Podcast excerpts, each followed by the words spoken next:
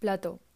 Plató és fàcil de llegir, ja que escriu en forma de diàleg, per tant es llegeix d'una manera molt àgil i és entretingut de llegir. Heràclit és una de les seves influències, però també ha estat influenciat per Parmènides, Pitàgores i Sòcrates. D'altra banda, també rebutja els sofistes i, bueno, parlant d'Heràclit, eh, va agafar el, el de que tot flueix i l'esdevenir, va agafar això per explicar el món sensible, és a dir, les coses físiques. De Parmènides va agafar una mica de la seva opinió i de la seva episteme per accedir al món de les idees. I també de la idea de l'ésser, que és a dir, que tot és canvi i res és inalterable.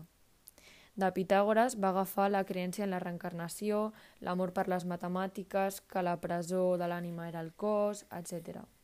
Plató inaugura el món de la metafísica, ja que distingeix entre dues realitats. Dues realitats. de Sòcrates agafa doncs, això, de, també de la presó, que és l'ànima del cos, i altres conceptes eh, morals. Va ser el seu mestre. I eh, dels sofistes rebutja tot, eh, totes aquelles seves idees i les blasfèmia. Plató també es va interessar per la cosmologia, la psicologia, l'ètica, la matemàtica, etc. Moltes altres ciències. Plató va experimentar eh, i va, va estudiar diferents branques dins de la filosofia, com l'ètica, el coneixement, la metafísica, la política, però tot li va portar a, a les idees, no? eh, el gran descobriment de Plató va ser el món de les idees. Per a Plató, una idea és una entitat real, però no és una cosa física ni material. És una essència pura, independent i real. Plató parla de la realitat de la idea, però que no està presencialment. Per tant, les idees estan fora de l'espai i del temps.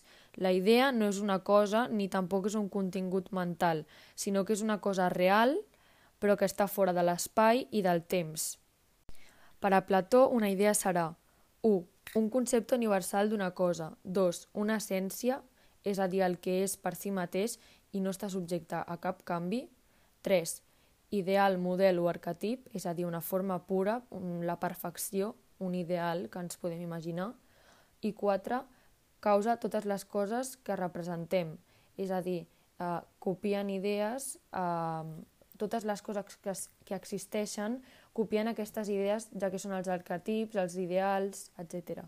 I per últim, eh, cinc, finalitat, és a dir, sentit últim i superior d'una cosa. Plató anomena els coneixements superiors com a episteme i deixa a les opinions, que és una cosa normal que tothom en té, com a una doxa. Per tant, segons Plató, del món sensible, que canvia tota l'estona, només podem aconseguir una doxa, és a dir, una opinió. En canvi, a través del món de les idees, podem aconseguir l'episteme, que són els coneixements i les essències pures de les coses. Plató també afirma que les idees són úniques, indivisibles i eternes, com Parmènides deia que era l'ànima, indivisible i eterna. Quina és la relació entre els dos mons, el món de les idees i el món sensible? El món sensible participa en l'intel·ligible, però no a l'inrevés. En canvi, el món sensible eh, és aparença, sensibilitat, on es produeixen els canvis. Com arribem al món intel·ligible o al món de les idees? Um, res, res es pot fer. No és un món físic, és un món superior, per tant no podem accedir de manera física. S'accedeix mitjançant la perfecció de l'ànima. Uh, com? A través de la dialèctica. La qüestió de l'ànima en Plató. Segons Plató, l'ànima és present dins de l'individu. El cos és la presó de l'ànima. Plató explica això amb el mite del carro alat, que té relació directa amb les tres parts de l'ànima. Quin és el mite del carro alat? Es condueixen dos carros. Hi han dos cavalls. Un cavall blanc, que significa uh, la part de l'ànima irascible, que seria la part del pit, i el cavall negre seria una altra part de l'ànima, que seria l'ànima concupiscible, que seria la part del baix ventre faltaria la part eh, racional, que seria la part del cap i de la raó, que seria la persona que condueix eh, aquest carrualat, que s'anomena àuriga. Els cavalls desboquen i el xòfer, l'àuriga, no els pots controlar. Per tant, l'ànima entra dins del cos. L'entrada a l'existència de l'ànima dins, dins del cos és un accident. Per tant, amb el mite del carro alat, Plató ens vol explicar que el contacte de l'ànima i el cos és accidental. Segons Plató, també hi ha una jerarquia de les idees. A la part més baixa estarien les coses, el món sensible. Més a dalt estaria l'ens matemàtic. Més a dalt estaria la unitat de totes les coses i el penúltim esglaó estaria Eros, l'amor. I finalment trobaríem el bé, que seria la contemplació del bé que il·luminaria tota la resta de les idees. Què entenem per bé, segons Plató? El bé és una idea superior. És la idea de la raó per excel·lència, la perfecció absoluta, la bellesa, la justícia. Les altres idees són bones perquè participen o expressen el bé perfecte.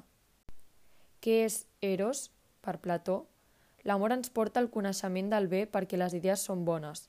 L'amor és el motor de la dialèctica ascendent. Què és la unitat? La unitat té origen pitagòric. Necessitem la idea d'unitat per unificar totes les altres idees. Un dels altres recursos que utilitza Plató és el del símil de la línia, on explica la dialèctica ascendent, el procés per arribar al bé.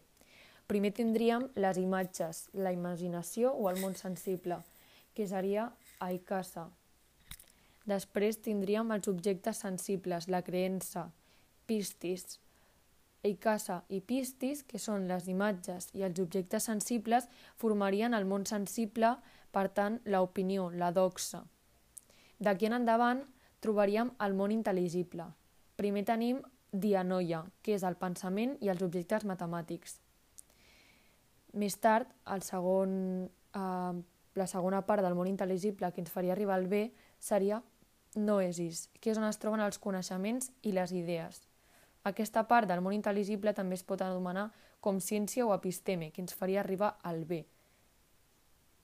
El bé, segons la filosofia oriental, seria com aquesta mena de nirvana. Per tant, primer nivell, aikasa, és el primer contacte amb el coneixement. Segon nivell, pistis, són els conceptes més sòlids que no els de la imaginació, les creences. Tercer nivell, dianoia, són els conceptes i idees matemàtics, que són superiors a la imaginació i a les nostres creences, per tant són els pensaments. I per últim tenim noesis, que seria el coneixement màxim. Vale. Després un altre recurs que trobem que utilitza Plató per explicar en aquest cas eh, la teoria del coneixement o la dialèctica ascendent i també eh, la política sobre el paper del savi eh, és el mite de la caverna. No l'explicaré perquè si no se'n faria molt llarg, però eh, interpretaré cadascun dels seus anim, eh, elements. Vale. Els presoners serien eh, els, les persones atrapades en el món sensible, en la matèria. Les ombres del fons són les conjectures del coneixement, originades en el sentit. El foc de la caverna dona peu a creences enganyoses, no com el sol, que és pur i real, L'alliberament del presoner, bueno, això inicia el procés de l'alliberament de l'ànima. Poder seguir mirant el foc de la caverna o descobrir la veritat. Les cadenes representen la ignorància respecte a l'autèntic saber i els prejudicis que no ens deixen aprendre. La sortida al món exterior eh, representa l'esforç dialèctic de coneixement de les idees per, a, per a arribar fins a la raó. Les coses exteriors que veu el presoner, com l'herba, l'estany, els ocells, etc., són les idees superiors que arriba a conèixer gràcies a la intel·ligència. Sol és la idea del bé i del coneixement perfecte. El retorn a la caverna seria com la funció dels filòsofs com a educadors perquè el presoner volia explicar el que havia vist als seus companys. I l'amor del presoner seria el destí socràtic de la filosofia, qui pretén eh, portar la llum a la caverna sempre acaba patint el destí socràtic, és a dir, la mort. Qui vol il·luminar el pensament dels altres acaba patint un destí socràtic. Plató sempre acaba tirant cap a, cap a aquesta qüestió de l'educació, per tant, això es reflexa en, en el retorn a la caverna del presoner per explicar als seus companys el que havia vist. Per últim, tindríem la República de Plató, que seria la, la seva teoria política. Plató volia crear una ciutat justa sense les barbaritats com les que hi havia a l'època a Atenes, ja que hi havia molts problemes interns i internacionals. Plató recercava l'ideal d'aquella ciutat o polis perfecta. El seu objectiu era reformar la polis d'Atenes ja que estava sent decadent i corrupta. També recalcava que la democràcia és culpable de la decadència civil. Totes les teories sobre la realitat, el coneixement i l'ànima apunten a la política. Plató afirmava que la política era una ciència i que només podien governar aquells que posseïessin el coneixement de les idees. No tots som iguals, per tant la democràcia no hauria d'existir, segons Plató. És a dir, bàsicament Plató no estava a favor de la democràcia perquè creia que tothom era diferent i que la democràcia tractava a tothom per igual i això no era just. Ara passem a la teoria política de Plató. Plató deia que qui tenia dret a governar era no pas el més popular, sinó el més savi. El filòsof rei eh, és una persona autoritària però hauria de ser també intel·lectual ha d'estar governant guiat per les seves idees. bueno, per les idees en general, no per les seves.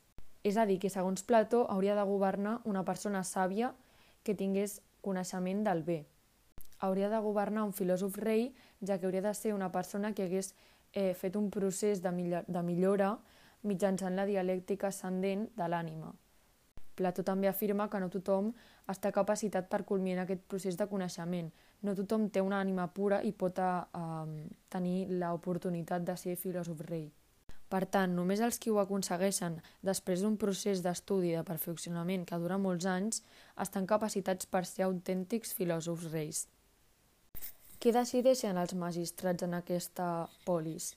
Poden decidir a quina classe social pertany cada infant – poden decidir quin treball ha de fer cada membre de les, de les classes que siguin. Eh, poden decidir el nombre de matrimonis i també poden decidir sobre l'educació de totes les classes.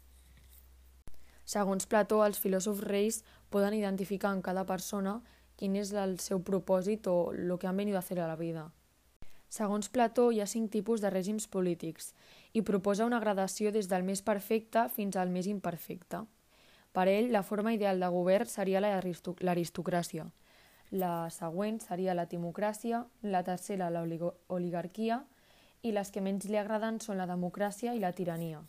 Ara explicaré què opinava de cadascuna. Aristocràcia. Aristos vol dir el millor i Kratos poder. Per tant, l'aristocràcia és el poder dels millors. Estaria dirigida pel filòsof rei, perquè el filòsof és el millor que coneix la idea del bé. Aquesta seria la teoria política de Plató. Però ara passem, per exemple, a què passaria si es degenera l'aristocràcia? Apareixeria la timocràcia, que és el govern dels militars, que seria eh, el segon cos més important dins de l'aristocràcia o dins d'una societat aristocràtica, ja que serien els que protegeixen el poble. Seria un govern excessivament violent i els guerrers volien, voldrien governar la ciutat com si es tractés d'un quarter. Per tant, això provocaria, provocaria moltíssimes injustícies. Com a conseqüència d'aquesta violència apareixeria l'oligarquia. En grec, oligos vol dir pocs, per tant seria el govern dels pocs, és a dir, el govern dels rics. Això faria que els pobres cada vegada siguessin més pobres, que a la vegada això provocaria una revolució popular, per tant apareixeria la democràcia. Etimològicament, demos vol dir poble, per tant, és, eh, democràcia vol dir el poder del poble, entès com la igualtat de tothom davant de la llei. Plató és radicalment contrari a aquest règim i li fa una sèrie de crítiques, ja que tots som diferents. Diu que quan governa tot un poble és com si no governés ningú, ja que no hi ha ordre. També diu que la democràcia no governa el millor, com a l'aristocràcia, sinó que governa el més popular. És el regne dels sofistes, de les pures opinions i del no saber. És a dir, qui millor parla, més vots s'emporta. Plató també diu que qüestions que poden afectar a tothom realment són decidides per ignorants, persones que no tenen el coneixement del bé. Com a conseqüència, la democràcia provocaria una situació de desordre. Per tant, apareixeria la tirania o la dictadura. La dictadura és el govern radicalment més injust. A la tirania el governant no té cap coneixement ni virtut, ni hi ha cap tipus de llei excepte la voluntat del tirà. Per tant, quines classes socials hi haurien a, a la polis ideal de Plató, hi haurien tres. Hi hauria la, la classe dels governants, dels militars i dels treballadors.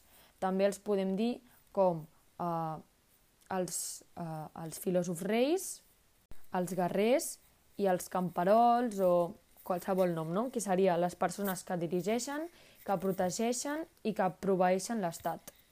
Això eh, va totalment associada cap a una localització anatòmica com seria el cap, el pit i el ventre o les parts de l'ànima, com l'ànima racional, l'ànima irascible o l'ànima concuspicible, que això és el que comentàvem abans, que tenia totalment a veure amb l'àuriga, el cavall blanc i el cavall negre, respectivament.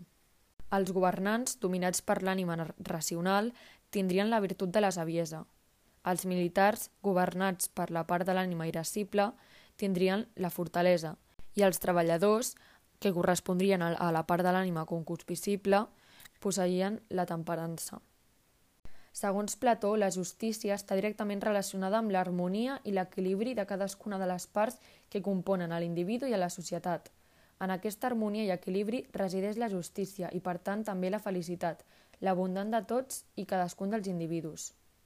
Segons Plató, la justícia consisteix a fer cadascú el que li és propi sense barrejar-se en els assumptes dels altres. És a dir, cada peça ha d'anar al seu lloc i un militar no podria fer de governant, ni un militar podria fer de treballador, de treballador o ni un treballador podria fer de filòsof rei. És a dir, no pots uh, elevar o canviar de classe social, perquè tu ja estàs a la classe social a la que has d'estar. I bueno, fins aquí el, el podcast de Plató. Espero que us hagi agradat, que ho hagueu entès i que us serveixi per estudiar. Adeu!